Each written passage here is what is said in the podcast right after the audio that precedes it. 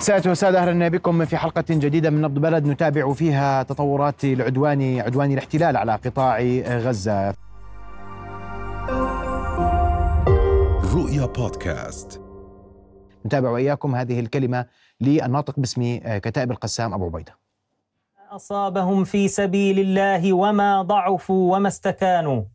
والله يحب الصابرين. الحمد لله رب العالمين.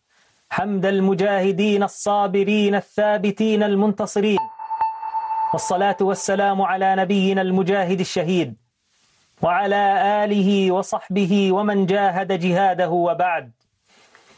يا أبناء شعبنا المجاهد المرابط الأبي العظيم يا مجاهدين في ثغور العزة ومواقع البأس والكبرياء يا مقاتلي أمتنا ومجاهديها وجماهيرها الممتدة يا أحرار العالم الرافضين للظلم والطغيان السلام عليكم ورحمة الله وبركاته.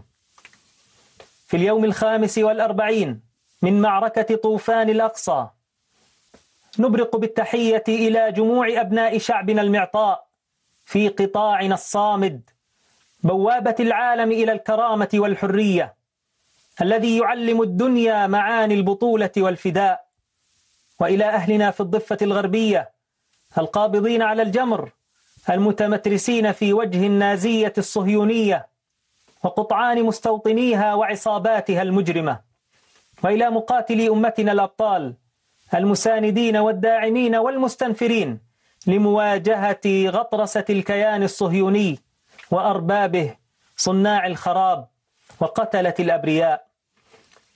وبعد هذه التحية فإننا نضع أبناء شعبنا وأمتنا وأحرار العالم في صورة أبرز أعمالنا الجهادية في التصدي للعدوان الصهيوني والغزو النازي خلال الاثنين والسبعين ساعة الأخيرة حيث تمكن مجاهدون بفضل الله من استهداف ستين آلية عسكرية صهيونية خلال هذه الأيام الثلاثة منها عشر ناقلات جند حيث كانت معظم الاستهدافات بقذائف الياسين 105 إضافة إلى عبوات العمل الفدائي وعبوات الشواظ وقذائف التاندم 85 وذلك في محاور تقدم العدو جنوب حي الزيتون وفي حي الشيخ رضوان وحي التوام وغرب مخيم جباليا وفي بيت لاهيا حيث لا يزال مجاهدون حتى الساعة يخوضون اشتباكات ضارية في كل هذه المحاور. وقد نفذ مجاهدون عددا من العمليات النوعية ضد قوات العدو في محاور تقدمه والتي أوقعت قتلى بشكل مباشر في جنوده. كان من أبرزها كمين ضد قوات راجلة جنوب غرب مدينة غزة يوم السبت حيث استهدف مجاهدون قوة راجلة. تتبع جرافة صهيونية بعبوات مضادة للأفراد وأوقعوا فيها إصابات محققة وسمعوا صراخ جنود العدو واستغاثاتهم. وفي عملية أخرى يوم السبت استهدف مجاهدون في منطقة لتوام شمال غزة ناقلة جند صهيونية بقذيفة الياسين وأصابوها بشكل مباشر فنزل منها ثلاثة جنود فأجهز عليهم مجاهدون بقذيفة مضادة للأفراد فأردوهم قتلى ثم كمنت قوة القسام في محيط العملية منتظرة قوة النجدة الصهيونية التي وصلت بالفعل فاشتبك معها مقاتلون وجها لوجه وأوقعوا فيها عددا كبيرا لا يقل عن سبعة قتلى وعاد مجاهدون إلى قواعدهم بسلام. وظهر أمس الأحد تمكنت قوة من قوات النخبة في كتائب القسام. مكونة من خمسة وعشرين مجاهدا. من تنفيذ هجوم مركب على قوات العدو التي تتخذ من مستشفى الرنتيسي للأطفال قاعدة لها بعد إفراغه من المرضى والنازحين. حيث هاجم مجاهدون في محيط المشفى ناقلة جند. وبالتزامن هاجموا بقذائف التي بي جي المضادة للتحصينات وبالأسلحة الرشاشة مدرسة بجوار المشفى تتحصن بها قوة راجلة. ثم دمروا دبابة تقدمت للنجدة وناقلة جند هرعت للمكان وأجهز مجاهدون من مسافة صفر على أربعة جنود ترجلوا من الناقلة. وتدخل الطيران الحربي الصهيوني وقصف المكان فاستشهد أحد مجاهدينا في من سحب أربعة وعشرون لمواقعهم بسلام. وإننا نرجح أن يكون العدو. قد قصف قوات له على الأرض ظنا منه أنهم أسروا في هذه العملية. وقد أكد مجاهدون في حالات عديدة في مناطق الاشتباك بأن العدو الصهيوني حين يعجز عن سحب آلياته المدمرة أو المعطوبة يقوم بقصفها من الجو في محاولة لمحو آثار خيبته. علما بأن هذه التفاصيل هي بعض مما سمحت الظروف بإعلانه حتى اللحظة من عمليات ولا يزال المئات من مجاهدين في عقد قتالية دفاعية خاصة في كل مناطق الدفاع والتصدي. قد نفذوا العديد من العمليات التي سنكشف عنها لاحقا. عند توافر الظروف الأمنية والميدانية المناسبة. يا أبناء شعبنا المجاهد يا كل أحرار العالم. إننا نتأكد كل يوم بما لا يدع مجالا للشك أن هدف الاحتلال في هذه الحرب هو التدمير وقتل المدنيين وارتكاب كل جرائم الحرب عن قصد وسبق إصرار. ظنا منه أن ذلك سيردع شعبنا أو يثنيه عن مقاومة الاحتلال. ولكنه واهم وغبي ولا يقرأ التاريخ. وإن الحالة الهستيرية التي يتعامل بها العدو في جرائمه ضد شعبنا هي مؤشر على عدم اقتناعه بالنصر والتجاؤه إلى الأسلوب القذر السادي في العقاب للمدنيين والانتقام من الأطفال الأبرياء والمواطنين العزل. ختاما يا شعبنا العظيم في هذه الأرض المقدسة. سينكسر هذا العدوان بعون الله ولن تنكسر إرادتنا ولن نركع إلا لله.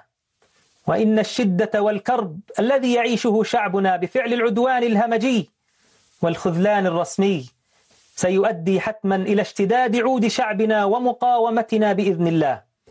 وستكون محرقة العدو ضد شعبنا هي بداية نهايته وانهياره. وقد صدق الله سبحانه لن يضروكم إلا أذى وإن يقاتلوكم يولوكم الأدبار ثم لا ينصرون. يا أيها الذين آمنوا اصبروا وصابروا ورابطوا واتقوا الله لعلكم تفلحون. وإنه لجهاد نصر أو استشهاد. والسلام عليكم ورحمة الله وبركاته. إذا هذه كانت كلمة للناطق باسم كتائب القسام أبو عبيدة تحدث فيها عن استهداف 60 آلية عسكرية للاحتلال خلال ال 72 ساعة الماضية وكشف عن عمليات نوعية في محاور تقدم الاحتلال آه، تنفذها قوات النخبة من كتائب القسام آه، قتلت بشكل مباشر عددا من جنود الاحتلال واستهدفت أيضا التعزيزات التي تقدم للجيش بعد استهدافه وأيضا كشف عن استخدام آه، أسلحة جديدة في المعركة التي تخوضها المقاومة ضد عدوان الاحتلال الغاشم على قطاع غزة. أعود لمحاور حلقة الليلة وسنتطرق لهذا الطور الميداني والعسكري مع في محورنا الثاني وفي الأول سأعود للدور الأردني في الخدمات الصحية تحديدا ما حدث اليوم آه، من زيارة لولي العهد للعريش المصرية وأيضا المستشفى الميداني في رفح سبقه المستشفى الميداني في آه، نابلس. أرحب بضيفي أمين عام حزب الميثاق الدكتور محمد المومني. دكتور محمد مساء الخير. أهلا بك معاليك. أخي محمد. واليوم هناك دلائل مهمة جدا عندما آه، آه، في هذا الظرف يقدم الأردن هذه المساعدات الإنسانية الصحية الطبية والاحتلال يستهدف المنظومة الصحية تحديدا في قطاع غزة. هذا أول كادر طبي يدخل إلى قطاع غزة منذ بداية الأزمة بسبع عشر الماضي. آه، بتعرف إحنا عندنا مستشفى موجود في غزة وتعرض للقصف قبل قبل أيام وهذا الكادر الطبي وهذا المستشفى الجديد يدخل ويدخل الآن في دلالة واضحة على كم العمل الأردني من أجل إسناد الشعب الفلسطيني.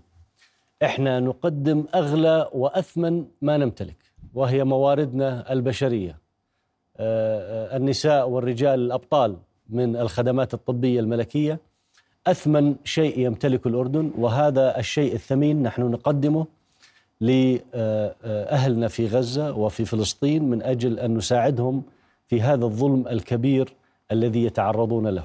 نعم. ملفت جدا وشيء يجعل كل أردني يرفع رأسه فوق الغيم عاليا أن يكون سمو ولي العهد آه، آه، صاحب السمو الأمير حسين بنفسه بالطائرة العسكرية مع الكوادر مع 145 أردني وأردنية في 14 أردنية على متن هذه الطائرة. يقود بنفسه عملية إنزال هذا المستشفى ودخوله إلى قطاع غزة. وهذا الحقيقة دلالة على تصميم القيادة الأردنية على تقديم كل أشكال الإسناد والمساعدة لأهلنا في فلسطين وفي آه، قطاع غزة. آه، الله يرفع راسه زي ما رفع راسنا ويبيض وجهه. الله يرفع راسه ويبيض وجهه ويحميه يحميه لبلده ولجلالة سيدنا ولجلالة الملكة. آه، أول قائد عربي يذهب إلى تلك المنطقة اللي تعتبر منطقة ساخنة عسكريا ومنطقة خطيرة عسكريا. نعم. آه، لذلك نتمنى السلامة لكل كوادرنا وعلى رأسهم سيدي صاحب السمو سمو ولي العهد في مسعاهم لمساعدة الأهل في غزة. هذا مؤشر أخي محمد على أن الأردن مشتبك ليس فقط دبلوماسيا وسياسيا ولكن أيضا ميدانيا وأيضا إغاثيا. الأردن قول وفعل. جميل. معليك وهنا في نقطة مهمة جدا. آه، أن ترسل الطائرة اليوم وتدخل 40 حافلة اليوم ومستشفى ميداني في رفح كوادر أردنية نعم. وهذه رسالة أردنية. هناك استهداف لإنسانية أهل قطاع غزة. للإنسان الغزي بضرب المنظومة الصحية. والأردن اليوم يوجه رسالة للعالم. صحيح؟ بهذه الرسالة تحديدا أن يكون الوصول الأول لقائد عربي لسمو الأمير حسين إلى العريش اليوم وما يحمل معه مساعدات إنسانية وهي رسالة أردنية واضحة أننا اليوم نقتل الإنسان في غزة. يعني اولا هي آه، رسالة لتسليط الضوء على الظلم وعلى الاستهداف الإنساني الذي يتعرض له الفلسطينيون في قطاع غزة. رسالة أن الأردن مصر على أن يساعد الأهل في غزة بكل ما أوتي من قوة وبأغلى شيء وأثمن شيء لديه وهو موارد البشرية وإنسانه من الرجال والنساء. وأيضا دلالة لإيقاظ الضمير العالمي أن الحروب لا يجب أن تستبيح إنسانية الناس ولا يجب أن يكون هنالك ارتكاب لجرائم الحرب بمنع المساعدات الطبية التي يحتاجها المدنيون العزل من نساء وأطفال ورجال آه، في آه، في قطاع غزة. وبالمناسبة المستشفى الذي آه، أرسل إلى هناك الحقيقة لديه كادر كبير من التخصصات المختلفة التخصصات الطبية المختلفة وفي حاضنات حاضنات للرضع حديثي الولادة وهذا كله من شأنه أن يخفف على أهلنا في قطاع غزة. مرة أخرى هي الموقف الأردني المتقدم والشجاع الذي يشتبك دبلوماسيا وسياسيا وإنسانيا وميدانيا وعسكريا من أجل أن نساعد أهلنا في قطاع غزة والفلسطينيون في قطاع غزة. اليوم عليك الرسالة للعالم واضحة أردنية دبلوماسيا نتحدث بلغة اختلفت ارتفع نهجها ارتفع سقفها ارتفعت اللغة من وزير الخارجية في الأيام الأخيرة الماضية. صحيح؟ صحيح. هذا جانب. الجانب الآخر أن الأردن يركز منذ اللحظة الأولى على أزمة الإنسان الغزي وأنه لا يجب أن يعاقب أهل قطاع غزة بهذه الطريقة الهمجية الوحشية الغير إنسانية التي تخالف الأعراف والتقاليد الدولية وهذه دبلوماسية أردنية تشت... تعمل على هذا السياق تحديدا. ونرسل اليوم مساعدات إنسانية سبقها مساعدات إنسانية حتى إلى نابلس. والبعض تساءل لماذا نابلس؟ لماذا نرسل؟ مستشفى ميداني إلى نابلس. لحقوا مستشفى ميداني إلى رفح. صار عندنا مستشفيين ميدانيين اليوم في في قطاع غزة واحد في الشمال في قلب العاصفة صحيح. صح التعبير صحيح. وآخر في جنوب القطاع. صحيح. وبإشراف ملكي مباشر. صحيح. شوف آه، آه، واضح أن الموقف الأردني منذ الأيام الأولى من يوم ما ألقى سيدنا خطاب العرش في آه، البرلمان وبعدها تتالت المواقف الأردنية والضغوطات الأردنية وموقفنا الحقيقة يستحق أن يوصف بأنه الأكثر تقدما والأكثر شجاعة. أوعك تفكر أخي محمد أنه هاي المواقف ما في ضغوطات هائلة سياسية ودبلوماسية لثنينا عنها. لكن جلال سيدنا بتحمل هذا الضغط وبشيل هذا الأمر على على كتفه. أولا دفاعا عن المصالح الأردنية العليا. ثانيا اسنادا للشعب الفلسطيني في آه، آه، الضيق الكبير الذي يتعرض له بسبب الحرب الهمجيه من قبل الاحتلال الإسرائيلي. ثالثا لأننا منسجمين مع ذاتنا تماما بموقفنا في إسناد القضية الفلسطينية والشعب الفلسطيني لأنه إحنا على الجانب الصحيح نقف على الجانب الصحيح من التاريخ. لأن الحق يجب أن يعلو ولن يعلى عليه، إحنا لما بنقول دفاع عن الشعب الفلسطيني، لما بنقود معركة متعددة الجبهات، أقول معركة متعددة الجبهات، دبلوماسية وسياسية وإعلامية وميدانية وإغاثية. هذه كلها جبهات فتحها الأردن على ما يحدث آه، من آه، تنكيل بالشعب الفلسطيني في قطاع غزة وفي الضفة الغربية نقوم بهذا الأمر لأننا مقتنعون تماما أننا على الجانب الصحيح من التاريخ وأننا نقوم بواجبنا الأخلاقي والإنساني والعروبي والأردني في الدفاع عن مصالحنا وفي خوض معارك الأمة. هذا شيء بنتشرف فيه، شيء نفتخر فيه، عملناه على مدى تاريخنا ونصر أن نعمله مرة أخرى. وهذا أدى والحمد لله إنه تطابق كبير ما بين الموقف الرسمي والشعبي لدرجة تجعل كل أردني آه، رأسه ورقبته آه، تطاول الغيم فخرا في بلده وفخرا في مواقف جلالة سيدنا وجلالة الملكة، الملكة عندما تحدثت على السي إن إن في مرتين في مناسبتين وقفت أمام طوفان كبير منحاز لإسرائيل، وقفت أمام هذا الطوفان لتحاول أن توقظ الضمير العالمي وتقول للعالم أن ما يجري جرائم وأن ما وهذا يجري بشهادة المراقبين غير كثيرا في الرأي العام العالمي. تماما. منذ الأيام الأولى أخي محمد لما سيدنا ركب الطيارة وطلع على أوروبا وزار خمس عواصم أوروبية فتحنا جبهة إنسانية. قلنا أن هذه حرب إعلان حرب على المملكة الأردنية الهاشمية إذا بتحكوا عن تهجير. قلنا أن منع المساعدات الغذائية والماء والكهرباء هي جرائم حرب. هذه لغة قوية جدا وأن تأتي من الأردن وملك الأردن بمصداقيته الشخصية ومصداقيته السياسية ومصداقية الأردن الكبيرة. إحنا إحنا بلد لنا حضور لنا هيبة لنا وزن على المستوى الدولي. عندما يقف الأردن وملك الأردن ويقول أن ما يجري جريمة حرب هذا كلام له ثقله وله معناه. وفتحنا جبهة إنسانية وفتحنا جبهة إعلامية وفتحنا جبهة دبلوماسية وسياسية فيما يجري آه، على الأرض وعلى الميدان والتنكيل بالشعب الفلسطيني. نفعل ذلك حماية لمصالح الأردن، نفعل ذلك إسنادا للشعب الفلسطيني، نقف جميعا خلف جلالة الملك وولي العهد، يعني لما أنا شفت آه، سمو ولي العهد وهو بنزل من الطيارة اليوم هو وال 45 أردني شريف ونبيل وشجاع لمساعدة الأهل في غزة شعرنا أن صدورنا امتلأت فخرا. بهذا المنجز الأردني الكبير، وأنت بتعرف قديش هذا بتطلب آه، ضغوط وبتطلب تحضيرات وبتطلب مجهود. أن يحدث ويصبح واقعا معاشا لمساعدة الاهل في غزة شيء الحقيقة مفخرة ويدل على صدق الموقف الأردني وحكمة القيادة وشجاعة هذه القيادة في الوقوف مع الجانب الصحيح من التاريخ. وتقدم الصفوف. وتقدم الصفوف. إحنا شوف لما جلالة سيدنا وسمو ولي العهد بنفسه بروحه بيشرف على تجهيز هذا شو معناه؟ معناه دائما إحنا نفتخر نقول بلد أول جيش وملك ما في عليه خوف ولا في عليه ضيم. الآن سمو ولي العهد النقيب في الجيش العربي. هو نقيب من من آه، ضباط الجيش العربي. آه، مع زملائه مع رفاق السلاح يذهبون معا بطائرات عسكرية ليدخلوا مستشفى لمساعدة الأهل في غزة ويسندوهم طبيا. وهذا أمر أنا بعتقد أنه يحق لنا جميعا أن نفتخر به ويدل على صدق الموقف الأردني وعمق الموقف الأردني وأنه موقف يستحق الفخار ويستحق كل التمجيد. هي رسالة آه، الجيش العربي رسالة قيادة أردنية ورسالة شعبية أيضا لأن هذا الأمر اليوم إحنا عشان نتفق مع وأنا بحكي بكل وضوح وبكل صراحة. المستشفى الميداني آه، في شمال قطاع غزة هو قد يكون الوحيد اليوم الذي يعمل في شمال وتعرض لقصف نعم. نعم. واستهدف. اليوم نعلم تماما في الأردن حجم المأساة الإنسانية جنوب قطاع غزة فنرسل مستشفى ميداني إلى رفح في هذا الظرف. وهذا يعبر عن وفي منطقة خطيرة عسكريا وتحت القصف العسكري. يعني جنودنا هناك رايحين وروحهم على كفهم. ولما يروح سمو ولي العهد بذاته لهناك في منطقة خطيرة عسكريا برضو هذا دلالة على الشجاعة الأردنية وعلى الصدق الأردني في موقفه وفي إسناده للشعب الفلسطيني.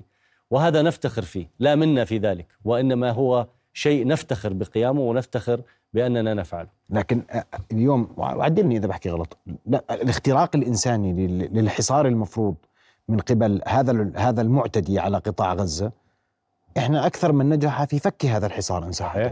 سواء في الإنزال الجوي للمستشفى الميداني في شمال قطاع غزة لأنه الوصول له كان مستحيلا واليوم بالمستشفى الع- العسكري الثاني في رفح. هذا صحيح. وهذا مرة أخرى استغلال الأردن لمصداقيته مصداقيته السياسية والدبلوماسية وأيضا العسكرية. إحنا قواتنا المسلحة لها مهابة واحترام في مختلف أنحاء العالم والقائد الأعلى للقوات المسلحة له وزن كبير وبالتالي عندما نفعل ذلك هذا معناه أنه كم كبير من الضغوط الدبلوماسية والسياسية مورست من أجل أن يحدث ذلك ومن أجل أن يتحقق ما نريده بإرسال المساعدات لأهلنا في غزة. هذا جهد عظيم وكبير يدل على صدق الموقف الأردني وتقدم الموقف الأردني. واضح أنه بإشراف ملكي وإشراف آه، سمو ولي العهد المباشر وإلا لما حدث بهذه السرعة وهذه القوة. هذا كله بجعلنا آه، نقف آه، في موقف الفخار. آه، أول قائد عربي يذهب إلى هذه المنطقة الخطيرة وتحت القصف ال- المستمر والقريب من الحرب لكي يتأكد أن آه، أهلنا في غزة بما يتعرضون له يحصلون على الإمدادات الطبية التي يحتاجونها. بمرة أخرى كم كبير من التخصصات. لما بنحكي عن حواضن لما بنحكي عن ICU لما بنحكي عن طوارئ لما بنحكي عن كل هاي الأمور التجهيزات الحقيقة هذا مستشفى كبير وبإمكانه أن يخفف كثيرا من المعاناة الطبية التي يعانيها الفلسطينيون. نعم. بما في ذلك وجود آه، 14 سيدة.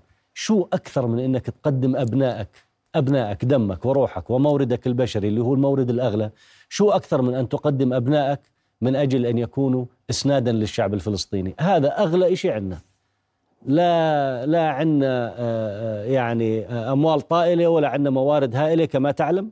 عندنا اللي اللي عندنا أغلى شيء وأثمن شيء هو الإنسان الأردني وإحنا أرسلنا الإنسان الأردني وهو أغلى ما نملك وأثمن ما نملك لإسناد الشعب الفلسطيني. نعم.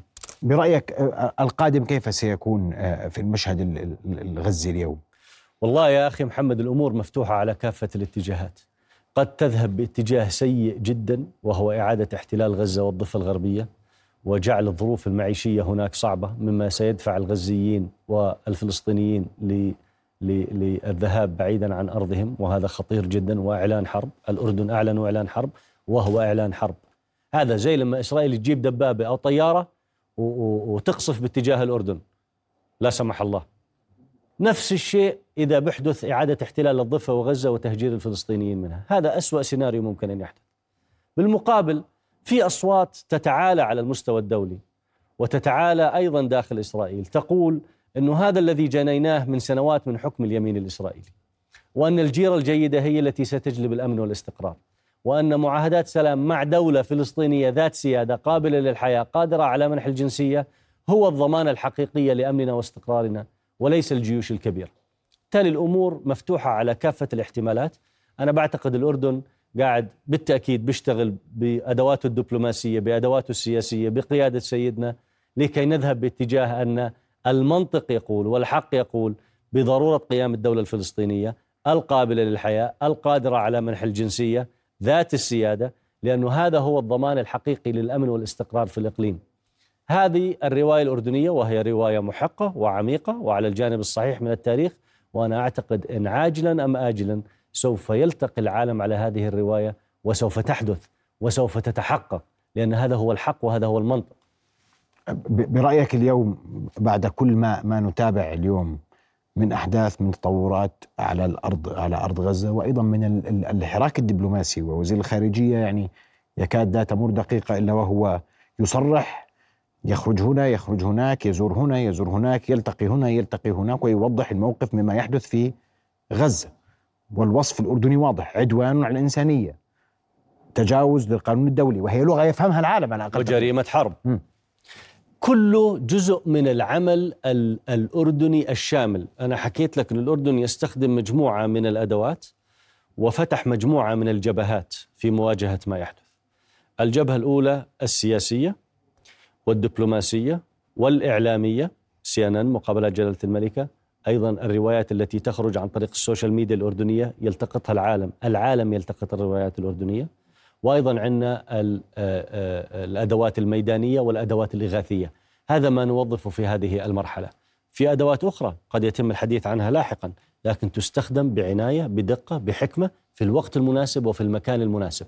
لكن واضح الرسالة اللي إحنا قاعدين نرسلها لإسرائيل وللعالم إن كافة الخيارات على الطاولة حفاظا على مصالح الدولة الأردنية التي تقول بوجوب وقف الحرب وإدخال المساعدات وقيام الدولة الفلسطينية وعاصمتها القدس. هذه المصلحة الأردنية وهذا ما سنستخدم كافة أدواتنا من أجل أن يتحقق. نعم. أشكرك كل الشكر دكتور محمد المؤمن أمين عام حزب الميثاق على وجودك معنا ليلى. شكرا جزيلا. لك الله يكرمك أخي شكراً محمد. شكرا جزيلا. رؤيا بودكاست.